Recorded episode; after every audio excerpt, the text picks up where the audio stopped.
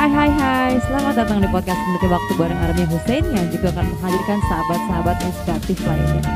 Selamat meniti waktu.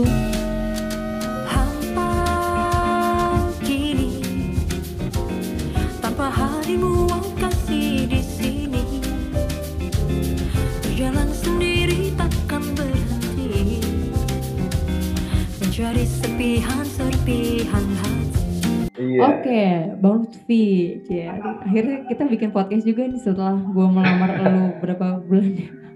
Udah lama banget ya, kayak dari tahun lalu minta-minta ngobrol tapi belum kesampaian. Oke, jadi Tapi rencana bikin podcast baru-baru ini kan, nggak? Eh ini udah hmm, sebentar ya.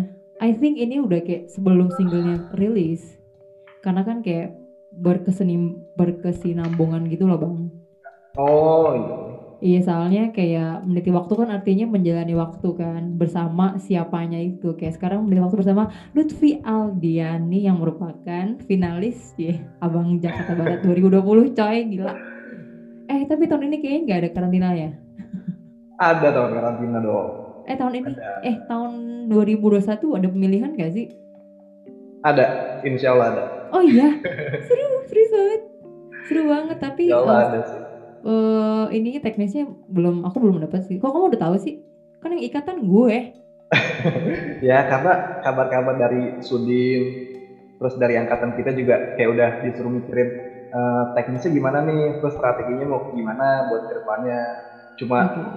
eh, tanggal pastinya yang belum gitu. Jadi itu Oke. semua masih kayak diomongin. Oke, alhamdulillah ya. Tapi eh, mereka job apa kita mungkin belum tahu. Kalau kamu udah ada bayangan Buat apa tuh? buat apa? 2021.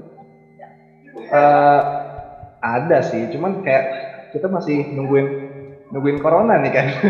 Gimana kira-kira dari eh, pemerintah buat keadaan event di Jakarta nih udah boleh kayak gimana? Itu kan terus terupdate tuh, ya kan Iya. peraturannya Hmm, gitu. Udah gitu juga eh, kayak tahun ini kan 50 tahun 50 tahunan upload gitu.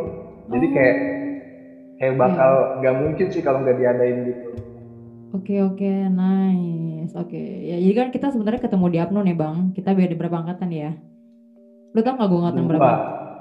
Dua. 2017. Oh iya, oke, gue gue gue kira lo nggak tahu. Jadi sebenarnya gue mau bikin pengakuan dulu ya, teman-teman sekalian, pendengarku yang budiman. Gue ini sebenarnya pas awal-awal pandemik itu kayak kehilangan arah gitu loh bang. Sampai akhirnya gue ketemu lo ya dan ngobrol. Kita kan ngobrolnya pas mau puasa ya. pas mau sih? puasa. Iya Ah. kayak itu hampir dua jam gitu loh. Gara-gara gue nanya hal hal sepele, sholat ya kalau nggak salah ya. Sholat Salat ya. iya soalnya gue ini emang sejujurnya di circle aku ini tidak terlalu banyak orang yang mendalami hal itu ya even orang tua gitu kan. Kan, ah, orang tua aku tuh kebetulan kan yang Jawa kejawen itu Islam kejawen. Jadi nggak nggak pengetahuan tentang sholatnya mungkin nggak sebanyak kamu mungkin ya. Jadi sebenarnya niat, eh, niat membuat podcast hari ini adalah untuk me- menstabilkan iman gue yang kadang-kadang nggak stabil ya kan. Pertanyaan pertamanya adalah kalau Bang Lutfi sendiri tuh sebenarnya lahir dari keluarga Islam yang gimana sih? Yang rajin ngaji tiap minggu kah atau yang tipe disabetin kalau nggak sholat kah? kan ada ya. Itu keluarga yang gimana ya? Eh, Betawi itu kan, kan aku kan Betawi nih. Nah di lingkungan juga kan kebanyakan Betawi. Nah orang Betawi itu emang identik sama agama gitu kan. Jadi kalau misalnya udah habis maghrib, biasanya suka banyak majelis di musola-musola atau habis isa. Nah, jadi kita gampang banget tuh buat gabung di situ. Nah otomatis kita yang di lingkungan situ pasti ya dari kecil udah terbiasa tuh ada di lingkaran itu. Jadi kayak aneh aja kalau misalnya eh, jauh dari musola gitu atau Hmm. ya pernah ikut ngaji gitu. Jadi secara sendiri ya pasti ya ikut sih gitu. Itu setiap hari. Mingguan. Oh. Kalau dulu waktu aku kecil eh, SD itu setiap hari ngaji baca gitu kan Kalau terus belajar sholat itu jam setengah empat tuh habis asar pokoknya sampai jam lima lah itu Hmm. anak-anak tuh anak-anak semua gitu itu setiap hari eh, eh minggu libur kayak Hmm. sekolah aja gitu kayak sekolah Nice. Tapi kamu terus kalau yang udah kenapa terus dulu sorry. yang udah agak gede nah itu nanti ada pengajian mingguan di musola Hmm. Oke, jadi setiap hari udah biasa ngaji, sholat juga berarti biasanya dari kecil ya, udah dikasih tahu ya. Diajarinnya kecil sama sih. sama orang tua orang langsung. tua sama ustadznya juga jadi orang tua yang apa masukin kita ke pengajian nanti di pengajian kan ustadznya yang jelasin detail gitu jadi Hmm. orang tua tuh kayak yang dorong-dorong gitu ayo ayo eh, kan sekolah nih kalau sekolah buat dunia sekarang sekolah buat akhiratnya ayo mari gitu Oh, keren banget. Eh tapi itu berarti kalau kan kita kan sehari sholat yang wajib ada lima waktu kan ya. Tapi Ah. kalau lu bolong satu waktu, orang tua marah nggak sih? marah karena pas azan aja kita nggak sholat sholat tuh kayak pi azan pi azan tuh kayak alarm yang kita snooze 5 menit pasti pi Oh. udah azan gitu Iya, oh tunggu tunggu. Beda yang, yang hal yang menarik soal azan adalah ketika azan bunyi, lu harus matiin apa nggak sih? Atau harus diem, harus ngapain sih biasanya kalau di keluarga Bang Lutfi? kalau posisi lagi nonton ya paling eh, apa ya ya dikecilin gitu TV-nya kan. Mm. terus kalau misalnya lagi main atau lagi ngapain ya kita udahin dulu gitu mainnya. Kayak minimal eh, walaupun kita nggak dengerin banget azannya tapi jangan dilanjutin dulu nih aktivitas apa yang lagi kita fokusin gitu. Jadi kayak dengerin dulu lah walaupun kita kayak kayak lah orang lagi enak-enak main game ya udah deh tahan dulu gitu. Iya tapi sebenarnya azan kan kayak cuma tiga menit ya bang ya dibanding waktu sehari yang 24 jam tapi kayak kita harus Oh, oh. eh, emang dengerin sih. Cuman sebentar sebenarnya kan sebentar banget sebentar Cuman banget kan dan kita suka suka suka agak kesel kalau lagi aktivitas asik tuh terus disuruh fokus dengerin azan gitu. Itu manusiawi sih kalau menurut aku sih. iya Cuma itu harus tetap dilatih biar biar kita terbiasa justru. iya insya Allah Kalau di awal manusiawi sih. iya man, ya mama manusiawi tapi emang harus bener kata kamu harus dibiasain terus pas azan tuh ada ini gak sih sebenarnya doa-doa khusus maksudnya kita harus berdoa gak sih pas pas azan atau emang dengerin aja gitu Eh, pas azan itu kan kita disunahin buat jawab azan kan. Ya kan jadi Allahu Akbar Allahu Akbar kita jawab juga. Nah, kalau doa khusus nggak ada sih, paling ada doa yang setelah azan. Mm-mm. Nah, tapi ada waktu khusus kan salah satu. Jadi sharing dikit nih. Iya. Salah satu apa waktu doa mujarab itu kan pas lagi azan atau pas setelah azan gitu. Mhm. Nah, kita minta deh di situ gitu sih. Jadi nggak khusus, ya beda-beda sih tiap orang mintanya apa. Iya, ah, pokoknya yang diinget aja minta pas azan ya. Mm-mm. Iya, BTW azan tuh kalau eh, apa ya, aku tuh selalu nangis kalau denger azan, terutama ketika ngelihat orang dimakamin, diazanin, iya gak sih Bang? Kayak aduh, Iya. kita kan satu hari nanti pasti bakal meninggal juga kan. Terus kalau denger orang lagi dimakamin terus diazanin tuh kayak itu saat-saat ternangis yang pernah ada. Gimana ya? Sedih, terus ada rasa harunya juga. Tapi aku pengen tanya sih berkaitan sama azan sendiri. em, kan ada orang meninggal yang diazanin dan nggak diazanin ya? Mm-mm. Iya itu bedanya di mana ya bang? Setahu kamu? Setahu aku, eh, so far sih yang aku lihat ini selalu diazanin ya. Oh, Di pemakaman muslim selalu diazanin sih. Aku belum pernah nemuin yang nggak diazanin gitu. oke. Jadi Soalnya udah kayak nemuin. kewajiban apa? Aku pernah nemuin yang nggak diazanin. Oh gitu. Iya, mungkin Itu ada karena kenapa? Keluarganya nggak ada atau gimana? katanya almarhumnya sendiri minta jangan diazanin padahal dia Islam. Hmm. Iya, mungkin nanti akan menjadi perbincangan lebih lanjut ya. Iya, iya. harus sih harus banget jangan sampai nggak diazanin dan Iya harus kan? sama keluarga diazanin. Oh, soalnya kan Gitu. kita kan kayak lahir pasti diazanin kan. Iya. Terus kalau meninggal emang setahu aku juga diazanin itu kalau sebenarnya di atas liang lahat apa di bawah sih bang?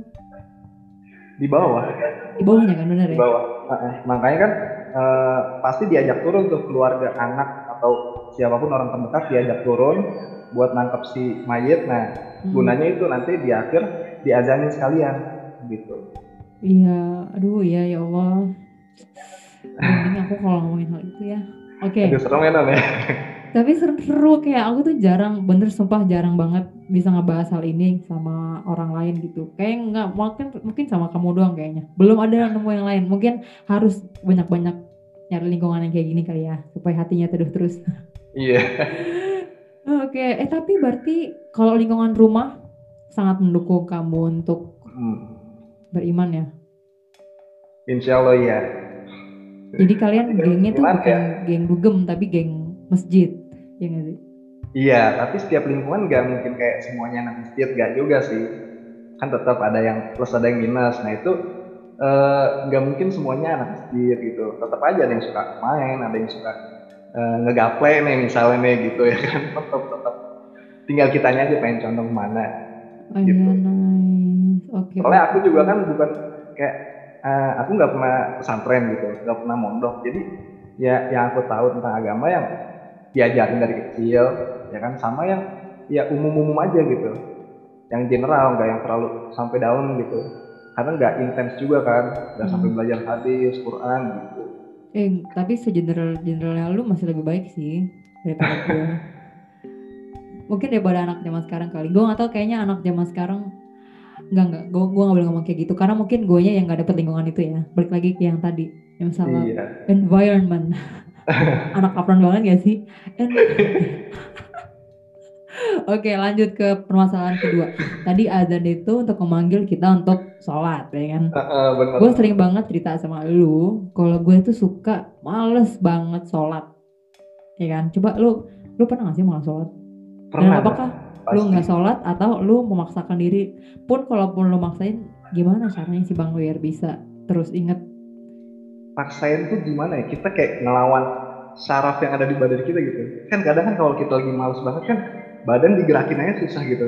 Atau kayak pulang WO nih udah males banget nih ya kan malam. Udah gitu belum sholat isya. Aduh itu kalau udah kena rebahan kan ya Allah mau bangun berat banget. Itu kalau kita eh, lamain tuh hilang tuh blus aja ya kan.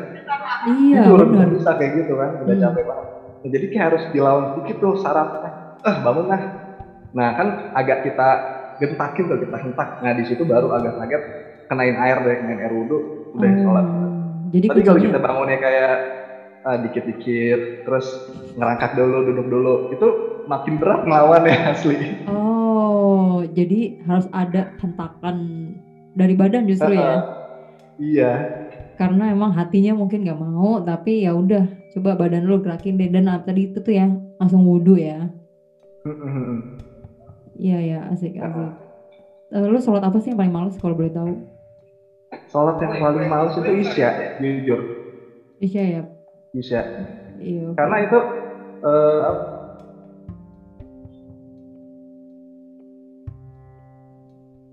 Halo.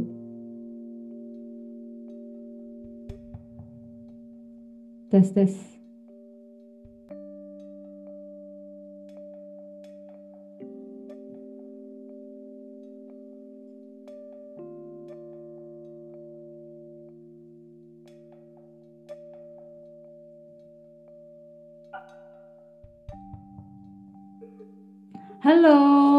Tadi terputus kayaknya.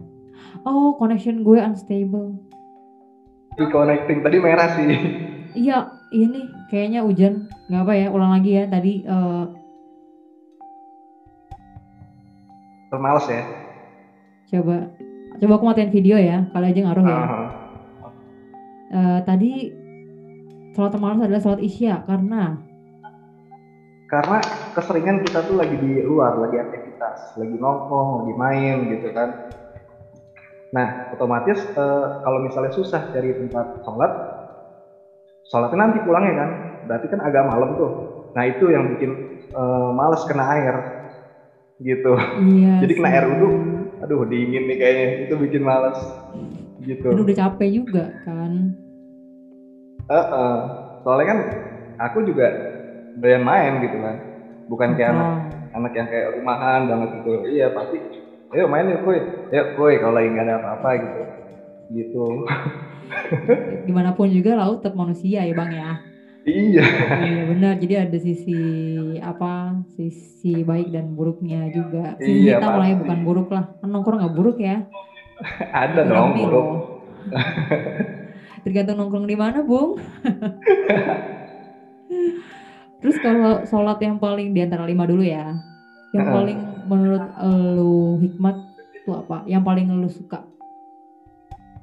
Yang paling suka itu, yang paling suka ini adalah yang paling sulit, subuh. Oh, Subuh.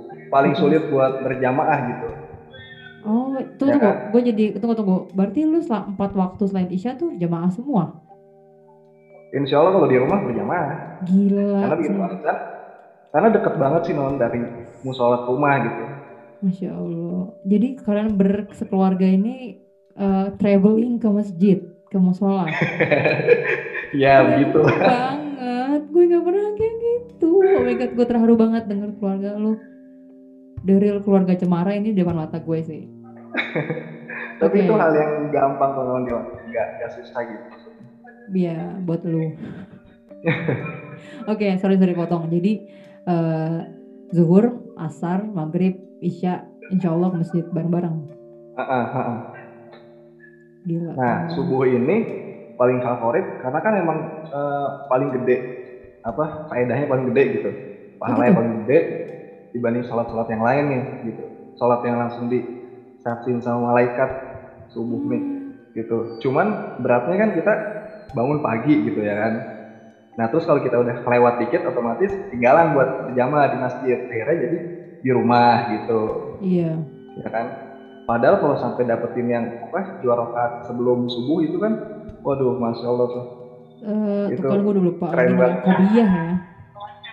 Iya kalau dia subuh itu Ya Allah. sampai non waktu almarhum Syekh Ali Jaber kan ada cuplikan video dia waktu Hmm. di podcastnya dia di Kobuzier kan. Mm-mm. Yang itu bener-bener ngena banget di kita semua. Dibilang gini, "Eh, jangan pernah pandang buruk mereka yang belum berhijab.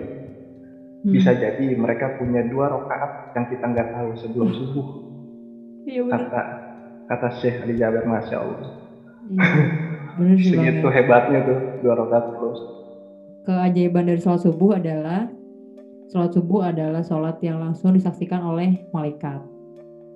Dan qobliyah subuh itu sendiri bah- pahalanya besar gitu ya Bang ya. Iya, lebih besar daripada dunia dan seisinya. Gitu kata Rasulullah. Ya Allah, Masya Allah, iya iya iya. Oke, Eh, jadi kalau nggak males kalian, eh bukan kalau nggak males, kalau bangun kamu dan keluarga traveling pagi-pagi juga ke Ah, sekolah. iya, ya sama mama nggak ikut, nggak ikut. Oh sebenarnya kalau yang wajib laki-laki ya? Iya. Kok jadi agak merinding gitu ya ngomongin sholat subuh? Iya, iya. Eh gue nggak, gue belum pernah sholat subuh di masjid. Tapi kalau perempuan boleh nggak sih? Boleh aja, boleh aja, cuman nggak di eh, nggak disunahkan gitu, nggak diutamakan. Diutamakan perempuan kan di rumah. Ah elah, nggak asik banget. Gitu. Tapi sekali-kali boleh lah ya, biar semangat beragamanya kuat gitu. Boleh aja. Tapi kalau misalnya sendirian kasihan juga kan. Yang lain jamaah laki-laki terus dia sendirian di belakang. Iya bener juga ya, ntar jadi film yang lain judulnya Makmun. Makmun? Sih? Kamu nontonnya? Pas nengok ada orang di belakang. Ngeselin banget. Iya oke.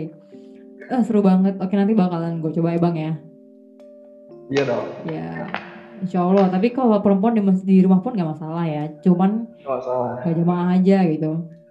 Iya. Oke oke. Ngomongin soal sholat pasti kan eh eh hujan di di sana hujan nggak? Sini hujan gak sih? Enggak ya? Nah, jangan belum dong, kagak. Iya. Enggak sih. Hujan adalah rezeki. Iya sih, cuman jangan kelamaan juga kasih nanti banjir. Iya doain ya. Eh kamu kamu akan kebanjiran gak sih kalau hujan? Di rumahku enggak sih. Oh iya. Kebetulan Allah. nggak. Iya. Rumah gue ntar tunggu aja tanggal mainnya ya. Lo terlalu banjir nih biar gue kerendam. Sedih banget. Oke jangan ngomongin itu dulu. Lanjut dulu ya. Sholat pasti eh, berkaitan sama surat-surat yang lo baca kan. Mm-mm. Jujur aja gue kayaknya cuma hafal 7 atau 8. Nggak nyampe lah mungkin 5. Al-Ikhlas, Anas, Al-Falak. Wal Asr judulnya apa? Eh, Al-Asr. Al-Asr, eh, Al-Kafirun, Al-Fil, satu lagi Al-Kausar tuh. Cuma tujuh sama Al-Fatihah tuh kan. Coba. Gue mau Nggak apa-apa tahu. dong. Ih, nggak boleh sebenarnya itu nggak. Pasti lo lebih banyak daripada gue kan bang. Ya beda sedikit dong. Iya beda sedikit doang. Maksudnya sih Iya. kalau abang tambah apa lagi? Boleh tau nggak? Eh Al-Kahfi, Alkafi kan Atin, banyak. Al-Kahfi tapi yang 1 sampai 10 aja. Oh boleh Karena bang ya? kan- boleh, boleh. Boleh kok. Karena kayak misalnya kita habis eh, habis Al-Fatihah nih, Hmm. mau baca eh, apa namanya? ayat kursi. Ayat kursi juga boleh. Ayat kursi kan potongan dari surat Al-Baqarah kan. Mhm, mhm. Kalau potongan surat nggak apa-apa. Surah-surah yang panjang nggak apa-apa. Oh gitu. Jadi kamu Hmm. Al-Kafi sama tadi Atin, terus al- apa namanya? At-Takatsur, Al-Lahab, terus apa lagi ya? Tadi Al Alfil, Al-Ma'mun, dan yang tadi non Armi sebutin gitu. Kadang-kadang suka lupa ya kalau lagi Oh disebutin iya. satu-satu Tapi nanti begitu lu sholat, tahu-tahu pengen baca gitu ya. Heeh. Lu tuh tipe yang memikirkan ketika sholat mau baca apa nggak sih surat apa? Atau pas lagi habis al-fatihah langsung kepikiran, udah aja deh gitu. Kebanyak. Kalau aku karena ini sih kebiasaan. Jadi kebiasaan itu pas lagi maghrib nih. Biasanya kalau maghrib ya habis al-fatihah bacanya tuh yang al-falak sama anas. Karena? Gitu. Karena kata ayah eh, rasul paling sering baca itu. Oh pas oke. waktu maghrib. Jadi aku tiruin gitu. Aku juga ntar niruin deh. biar ada nilai plusnya gitu kan. Iya oke oke. Nice. Gitu. Kalau yang lainnya ya random sih. Jadi kalau yang hari ini surah apa yang aku belum baca nih? Oh ya udah berarti pas lagi sholat ini aku baca yang belum nih Mm, mm, mm. Kalau subuh apa ya bang? kalau subuh? Iya. kalau subuh ya itu sih. Kalau nggak atin eh, terus apa namanya? Al kafi karena kan cuma dua rakaat kan. Mm. jadi aku pilih yang agak panjang gitu. Kalau lagi dapet di rumah. Iya keren banget sih, keren banget. Sampai speechless gue mau ngomong apa. Tapi proses penghafalan eh, ayat itu kamu lakukan pada saat usia dini ya berarti ya? iya usia dini sama yang lagi sekarang sekarang aja juga aku hafalin sih. Jadi kayak aku denger eh, apa namanya tausiah nih di YouTube tentang eh, bahas tentang surah apa nih. Wah ternyata bagus banget maknanya tuh. Wah kayaknya bagus nih kalau aku baca pas lagi sholat. Kan kalau kita tahu maknanya kan pas lagi sholat jadi lebih menghayati gitu Betul. ah coba ah dihafalin gitu jadinya Iya, aduh ya Allah. Oke deh, aku coba nanti hafalin juga. Ngomong doang gue mah dari kemarin. Susah banget loh. Terus aku sebenarnya pengen ngafalin Al-Qadar ya. Nah, Bener gak sih yang sebubun bintang eh seribu Iya, bulan iya. ya? iya seribu bulan bintang. iya, kan itu dari tahun lalu loh bang. Aku udah pengen dari puasa tahun lalu tapi belum kayak ketuker-tuker terus. Doain ya. Aduh, bisa kalau itu kan pendek sebenarnya boleh gak sih baca? Maksudnya ditaruh di eh, sajadah gitu. Kan mungkin boleh boleh ya. boleh boleh kok. sambil kita pegang pun nggak apa-apa justru kalau nggak ribet Ya cewek keribet. nggak apa-apa kalau nggak ribet ribet. ya misalnya di kertas gitu kan Heeh. sambil apa namanya habis takbiratul ihram tuh Hmm. nggak apa-apa kalau nggak ribet kalau bisa ngeliat bawah gitu ya kan ya pokoknya senyaman mungkin nggak apa-apa selama nggak jadi banyak gerakan gara-gara itu Oh oke oke oke. Lanjut ke pertanyaan berikutnya. Surat favorit kamu dalam Al-Quran tuh apa sih? surah favorit wah banyak. Dan kenapa ya? Dijelaskan. Pasti kan kamu favorit karena kamu tahu artinya. Bener gak sih? Ah, ah, ah. Iya oke. surah favorit salah satunya itu al-fatihah karena al-fatihah itu kan eh, ibunya Al-Quran ya kan Hmm. kan ada di paling depan tuh Hmm. Nah, dan setiap sholat itu kan pasti kita baca. Hmm. Dan itu kalau ibarat eh, kita bikin surat, itu tuh isi gitu. Hmm. Pendahulu isi penutup. Nah, itu Al-Fatihah isinya. Jadi kalau misalnya surat nggak ada isinya berarti kosong, nggak ada arti apa-apa. Jadi kayak sholat kita. Nah, Al-Fatihah tuh salah satu dari rukun sholat. Nah, kalau Al- Al-Fatihahnya eh, cacat, kepotong atau kayak nggak bener, nah berarti sholat kita itu bermasalah. Hmm. Nah, makanya itu salah satu favorit aku tuh Al-Fatihah. Gitu. Oke. Terus selain itu eh, apa namanya? Al-Kahfi. Mm-mm. Yang kamu baca Al-Kahfi. malam Jumat ya? Ah, iya. Al-Kahfi itu karena apa namanya? eh, Rasul bilang barang siapa yang baca surah Al-Kahfi di malam Jumat atau hari Jumat, maka ia akan diperangi di antara dua Jumat. Diperangi gitu. Nah, makna diperangi ini berarti kita bisa melihat jelas tuh mana yang hak, mana yang batil, mana yang boleh, mana yang ini bakal menjerumuskan. Hmm. Waduh itu kan benar-benar petunjuk banget selama satu minggu ke depan kita dikasih lihat jelas kayak gitu. Hmm, Insya Allah, iya benar-benar. gitu terus sama ada lagi ini ini potongan nih potongan surah Toha Mhm. surah Toha ayat 25 sampai 28 Hmm. nah itu aku baca aku suka karena dari sejarahnya Hmm. dan ini aku pakai waktu mau sidang gitu Oh. jadi surah Toha ayat 25 28 ini itu surah yang dibaca sama Nabi Musa waktu dia mau menghadap Firaun Oke. waktu si Nabi Musa ini lagi takut-takutnya kan Firaun kan kejam kan, Hmm. kejam berkuasa gitu. Sedangkan Nabi Musa punya power apa gitu kan? Iya. Ya kan nggak punya kerajaan ya manusia biasa cuma diistimewakan jadi nabi. Nah, ketika dia mau menghadap Firaun, dia minta sama Allah itu surat Al ayat 25 sampai 28. Bunyinya Robus Rohi Sodri wa yassirli amri wahlul uqdatam min lisani yafqahu Nah, jadi diminta ya Allah mudahkan untukku urusanku, lapangkan lapangkanlah dadaku Mm-mm. dan hilangkanlah kekakuan lidahku agar ia paham apa yang aku sampaikan kata Nabi Musa. Akhirnya setelah baca itu Nabi Musa berangkat pulang lagi dengan selamat. Firaun nggak bisa ngomong apa-apa tuh. Seorang Firaun yang waduh kan segitu sombongnya kan. Iya betul. Sombong banget. Akhirnya bisa pulang ke rumah dengan selamat gitu setelah disampaikan walaupun Fir'aun nggak langsung jadi mualaf nggak tetap terima Nabi Musa Iya. tetap menentang cuman nggak bisa berargumen di situ gitu Cicep lah ya. nah waktu aku mau sidang skripsi kemarin itu aku baca gitu karena biar eh, apa aku tenang terus nyampein semuanya enak biar penguji itu pada ngerti soalnya aku dapat bocoran ini yang uji nih kayaknya bakalan dosen-dosen killer gitu kan Oh gitu. Yang sekitar Fir'aun nggak? Heeh, cuman kan aku pikir ya sedosen-dosen killer juga nggak sampai sepiraun lah ya kan. Iya. Alhamdulillah sedangnya lancar ya. Alhamdulillah. Lancar banget. Alhamdulillah berkat doa. Terus ada lagi nggak? Tadi berarti tiga ya favoritnya abang ya? Tiga, tiga. Iya tiga sih yang paling favorit. Iya, oke. Cuman yang lain sebenarnya bukan nggak favorit, cuman eh, lu paling suka tiga itu karena mengandung makna yang Yang paling enak ya. buat kehidupan ya. Masih maksudnya relate lah sama hidupnya Bang Mm-mm, Lutfi. Yang paling enak lah. Oke, oke. Oke. Terus kan kita tahu sendiri ya, kalau sholat tuh di Islam banyak banget jenisnya. Hmm. Ini gue mau nanya secara sholat secara keseluruhan dengan sholat sunnahnya gitu.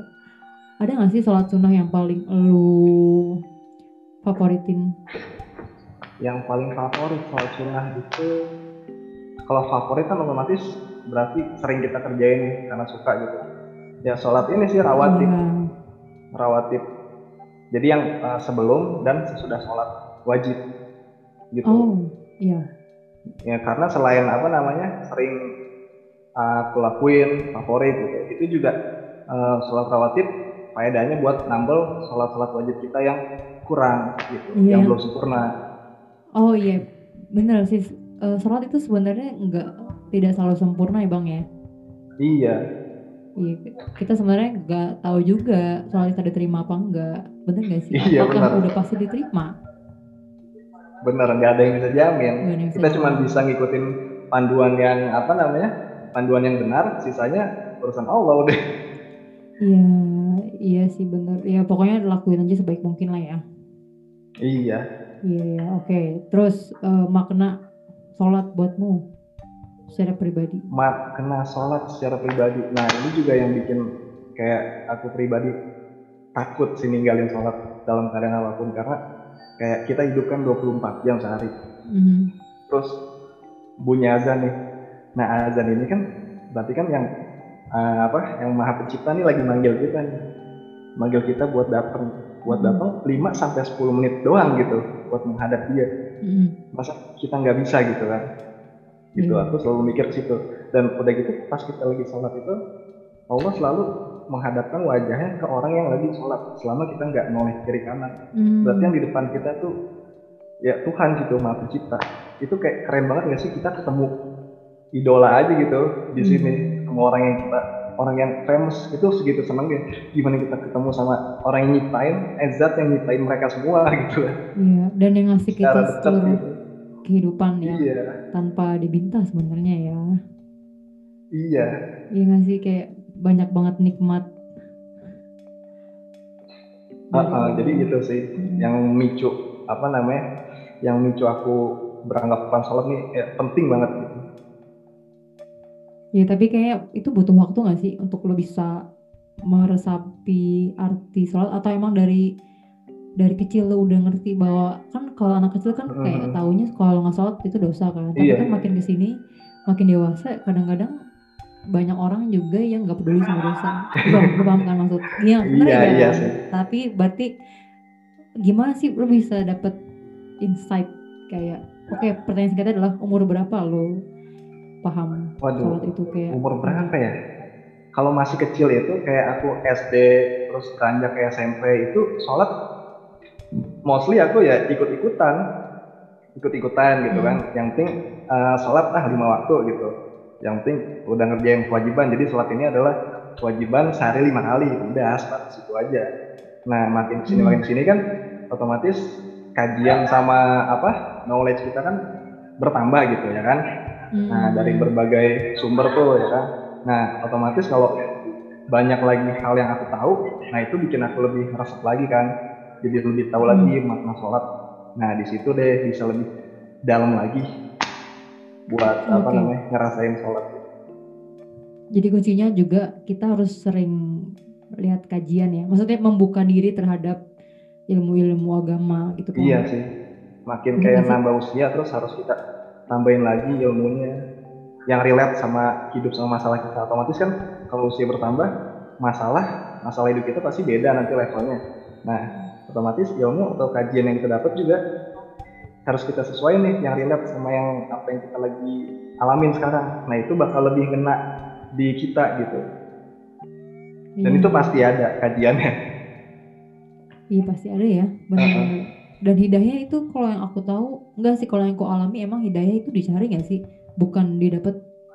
Eh, bener nggak sih gue? Iya itu dua dua hal yang ini sebenarnya apa namanya nggak bisa dipisahkan sih hidayah datang dari Allah. Nah Mm-mm. terus kita mau nggak nangkep hidayah ini gitu. Oh, oke.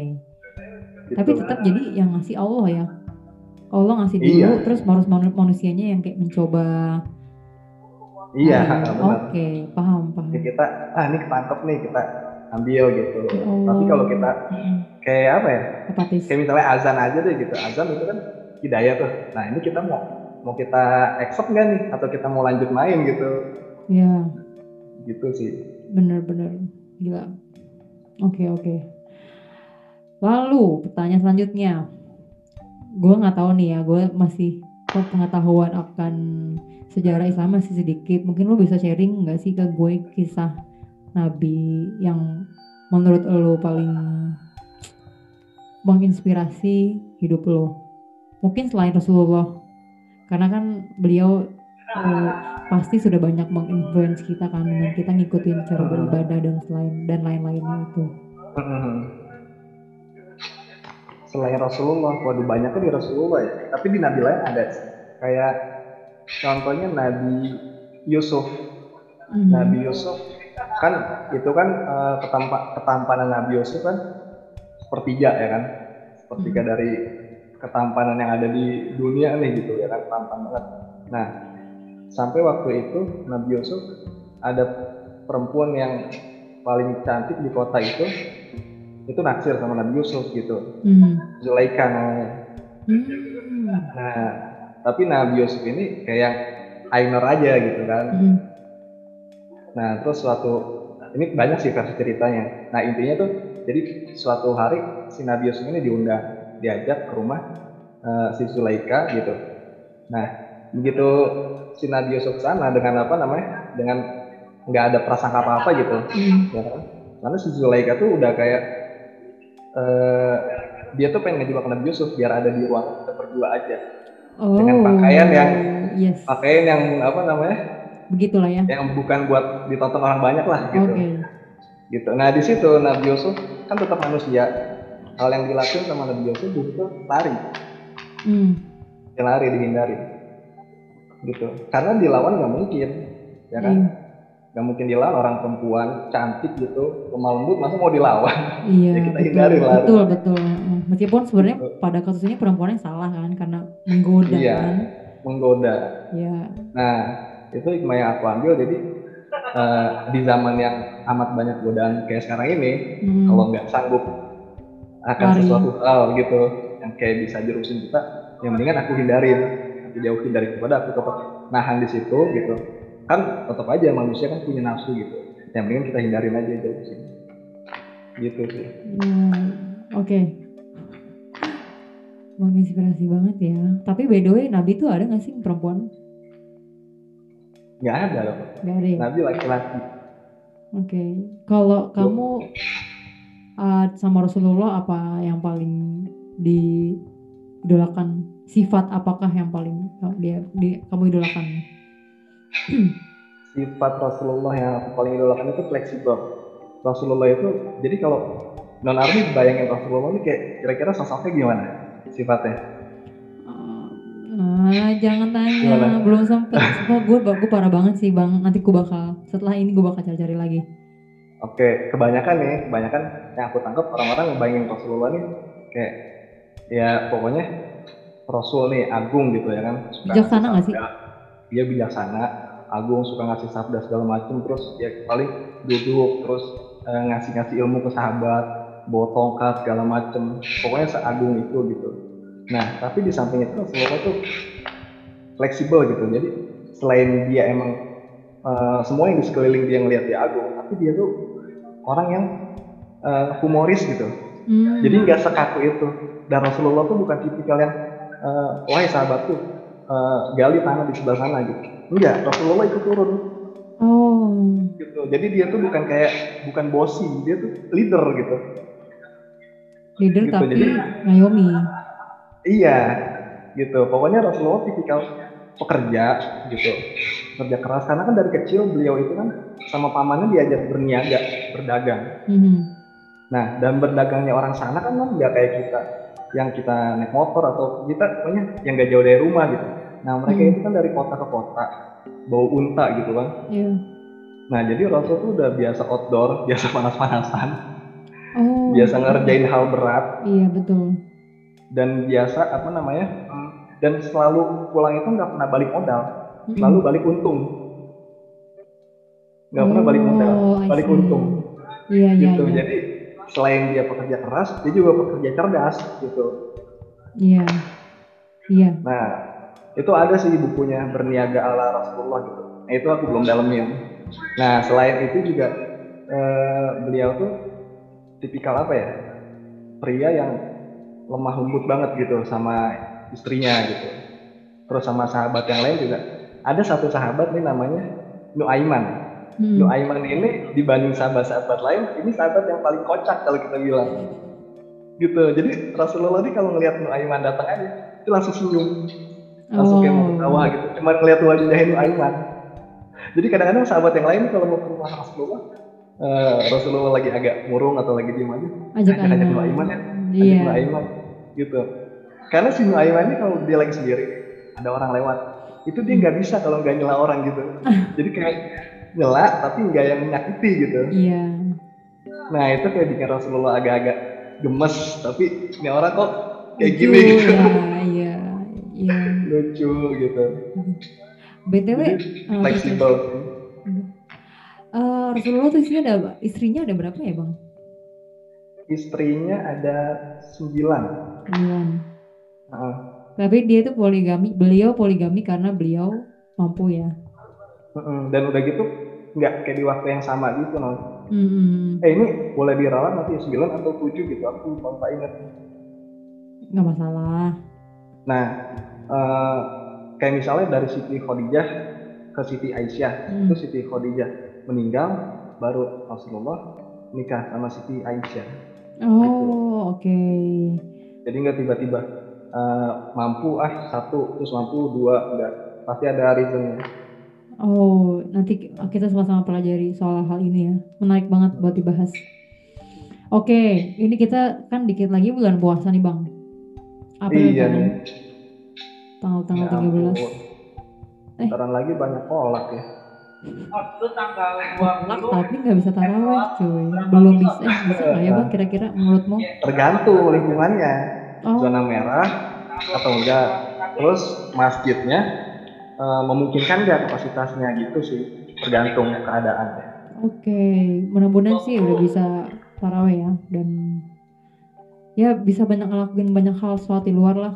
Pengen itu loh itikaf belum kesampaian Amin. dari tahun lalu ya. Tahun lalu udah udah belajar belajar sih. Tapi deket ya Nun ya, dari rumah ke masjid. Paling ke wali kota sih. Oh, oh iya. Aku tuh udah ngitung kayaknya tuh kalau bisa itikaf cuma di 10 hari terakhir kayaknya deh. Ya kan emang sebenarnya di sunah kandil 15 hari kan. Eh iya gak sih? Bener ya. Eh, ya nggak harus sih, gitu. Semampunya aja sih. Iya. Soalnya kayaknya awal-awal tuh kan wanita ada itu kan halangan dan sebagainya. Jadi aku Iya. hitung kayaknya 10 hari terakhir lah mungkin bisa. Tergantung juga nanti kayak apa kondisi ibu kota. Benar. Makna puasa buat kamu apa? Jangan deh bukan makna bulan Ramadan. Makna bulan Ramadan itu kayak apa ya? Kita kayak nge-recharge, nge-recharge iman kita. Itu kayak bulan buat recharging iman gitu. Karena kayak 11 bulan kita udah udah main sana sini, udah udah kecebur buat sana sini nih, udah waduh kotor Mm-mm. banget deh ya kan. Iya. Nah di bulan Ramadan nih waktunya kita buat ngapus itu, terus kita timbun pahala. Karena kan di situ kan amal dilipat gandakan selama sebulan. Mm-mm. Nah, berarti itu waktu yang pas banget buat ngebales kesalahan-kesalahan, dosa-dosa yang kita lakuin kemarin gitu. Iya, oke. Bener sih, aku setuju Gitu. sama kamu. Berarti kamu pas puasa hmm, ada kegiatan yang dikurangi nggak sih? Kegiatan duniawi yang dikurangi? Kegiatan duniawi yang dikurangi ya, paling nongkrong sih. Oke. Nongkrong agak dikurangin. Karena nongkrong kan selama nongkrong pasti berbuat dosa. Gak mungkin enggak. Pasti dari kita ngobrol aja nih, kadang-kadang kita ngobrol terus ujungnya kita nggak sadar kita nyela nih ya kan, namanya asik kan, sama temen ya kan. Terus Iya. atau ada yang lagi lewat nih, terus kita celat gitu. Otomatis kan nambah gitu. Iya. Nah buat ngurangin itu ya kurangin nongkrongnya paling. Kurangi nongkrong. Tapi kalau Terus kerja nggak nggak mengganggu lah ya kerja kerja wedding kan kayak Enggak lah, nggak mengganggu itu sih. Alhamdulillah. Oke oke. Oke, pertanyaan terakhir mungkin ya, karena kita udah ternyata hampir hampir sejam nih coy. Udah, Iya. ya udah sejam. Menurut kamu Islam itu seperti apa sih? Menurut aku Islam itu pedoman hidup. Hmm. pedoman hidup jadi kan rahmatan lil alamin universal gitu jadi untuk siapa pun dari ras apa pun dari negara apa pun bisa eh, meriletkan hidupnya dengan Islam gitu meriletkan gitu Me- ap- pokoknya ajaran Islam itu relate ke kehidupan setiap orang gitu Gitu. Hmm. jadi kita punya masalah apa pun terus kita hidup di situasi apa pun dan kalau kita adalah seorang muslim dan kita taat insya Allah ya itu bakalan lancar sih masalah kita situasi kita hadapin gitu Hmm. karena semua yang diajarin relate banget Dan di Al-Quran sendiri pun eh, banyak jawaban ya bang ya. Kan kayak aku pernah baca juga diatur juga cara ber- tadi kamu bilang berniaga ya kan? Iya. Terus berumah tangga. Bener nggak sih? Mm-mm. iya. Benar dan sebenarnya aku juga sempat baca di Al-Quran juga sebenarnya banyak sejarah sejarah Nabi ya kayak peperangan Iya. gitu kan sebenarnya ada. Ya.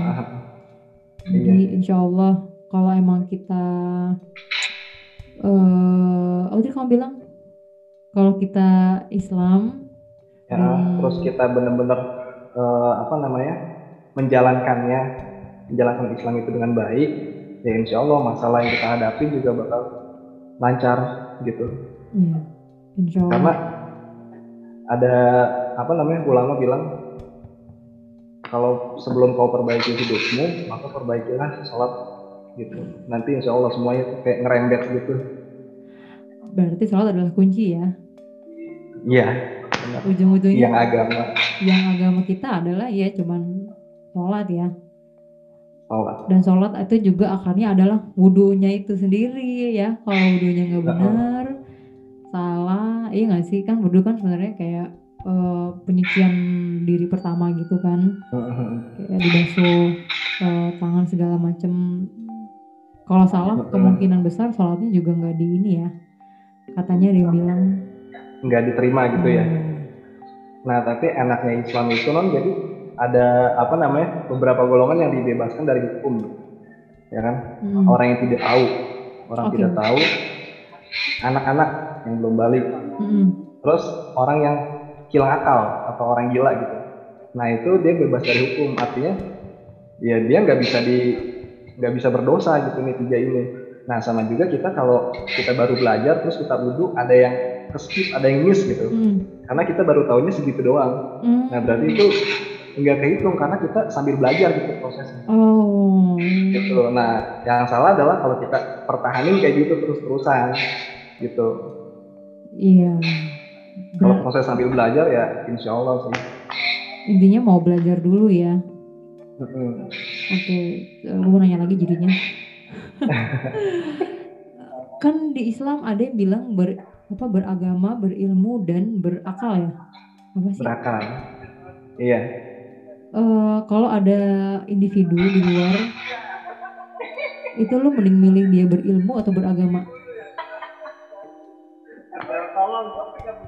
Itu nggak bisa dipisahin ya karena beragama harus berilmu harus pakai ilmu. Tapi kalau ada yang didahulukan itu lebih baik mana dulu? beragama. Beragama. Tetap beragama dulu ya. Beragama. Karena kalau Karena Mhm. karena orang yang beragama itu kan dia punya iman, punya apa yang dia pegang gitu. Mhm. Nah nanti seiring waktu ongoing lah, nah ilmunya bertambah gitu. ya karena di agama juga gitu, moral diajarin ya. Iya adab dan segala macam. Iya, tapi memang bener kata kamu sih harus sejalan juga ya. Kalau nggak nanti eh, ilmu agamanya juga takutnya bias dan disalahgunakan. Iya, mungkin gak sih? Iya, heeh. bener-bener. terus jadi nggak make sense nanti sama apa yang lagi dialamin sekarang gitu. Iya, dan jadi nggak bener sih, jadi nggak relate ya. iya. Iya, iya, oke. Oke, Bu Lutfi, makasih banyak. Thank you Udah ngobrol panjang di sini kapan-kapan ngobrol lagi dengan topik yang berbeda. Terus makasih udah menginspirasi hari-hari gue jadi seorang muslimah yang lebih baik. Semoga apa ya? Ya semoga gue tetap bisa lah menjaga iman Islam dan me- mengupgrade ke level yang lebih tinggi. Lo ada Amin. pesan-pesan nggak buat orang yang sedang mencari sedang galau apa imannya tergoyah? Apakah ada Oh, pesan oke. untuk Pesan untuk teman-teman dan sekaligus buat diri saya sendiri juga gitu. Jadi kalau kita lagi ada di titik kayak kita lagi galau banget nih mentok gitu, kita lari ke Tuhan, kita lari ke Allah. Makanya di situ kan Allah sediain yang namanya sholat tahajud gitu. Nah itu kan gampang sholatnya. Eh, setelah kita tidur pokoknya ya, sepi dua dua rakaat aja. Niatnya kalau nggak bisa bahasa Arab bahasa Indonesia aja nah setelah sholat kita curhat securhat curhatnya Hmm. dan kita sama Allah doang yang tahu kita tumpahin gitu. Gitu. Nah selain itu nanti kita cari referensi-referensi eh, agama gitu yang relate sama masalah kita ini biar terpecahkan melalui jalan yang benar gitu Iya, bukan jalan dari dalam tanda kutip syai- syaiton ya. iya Iya, kadang-kadang suka disesatin tuh emang ini jalan siapa gitu. Bener sih bang. Iya, aduh pikiran gue lagi mumet banget nih, udah deh, gue ke sana aja. Gitu ya kan, Iya. ke sananya ke mana gitu ya. Ke mananya nggak tahu ya. Mendingan sholat tahajud sih ya. Dikembalikan lagi pada yang si pembuat, eh bukan pembuat, pemberi masalah itu kan Pemberi sebenarnya Allah ujian. Oh iya, oke bener pemberi ujian. Bang Lutfi seneng banget ngobrol ya Allah. Gue dapat banyak banget insight hari ini. Aman non sinyal? Kok Aman. aku sih? Oh iya, Aman. Oke, gue sampai speechless ngomong apa. Intinya makasih banyak, terus sehat-sehat terus. amin. Semoga kita bisa ketemu di dunia nyata dan semoga Abnon Barat dan seluruh Abang None Jakarta tahun ini bisa melaksanakan pemilihan. Amin. Amin. Ya udah. Ajar. Haj- iya, hajar. Wujudkan cita bersama Abang None Jakarta. Barat. ya udah. Lutfi, thank you ya. Assalamualaikum. Thank you Nonarni. Waalaikumsalam. Thank you for listening podcast Meniti Waktu bareng Aram yang Hussein. Jangan lupa dengerin single Meniti Waktu di platform kesayangan kalian. Jaga iman aman imun. Bye.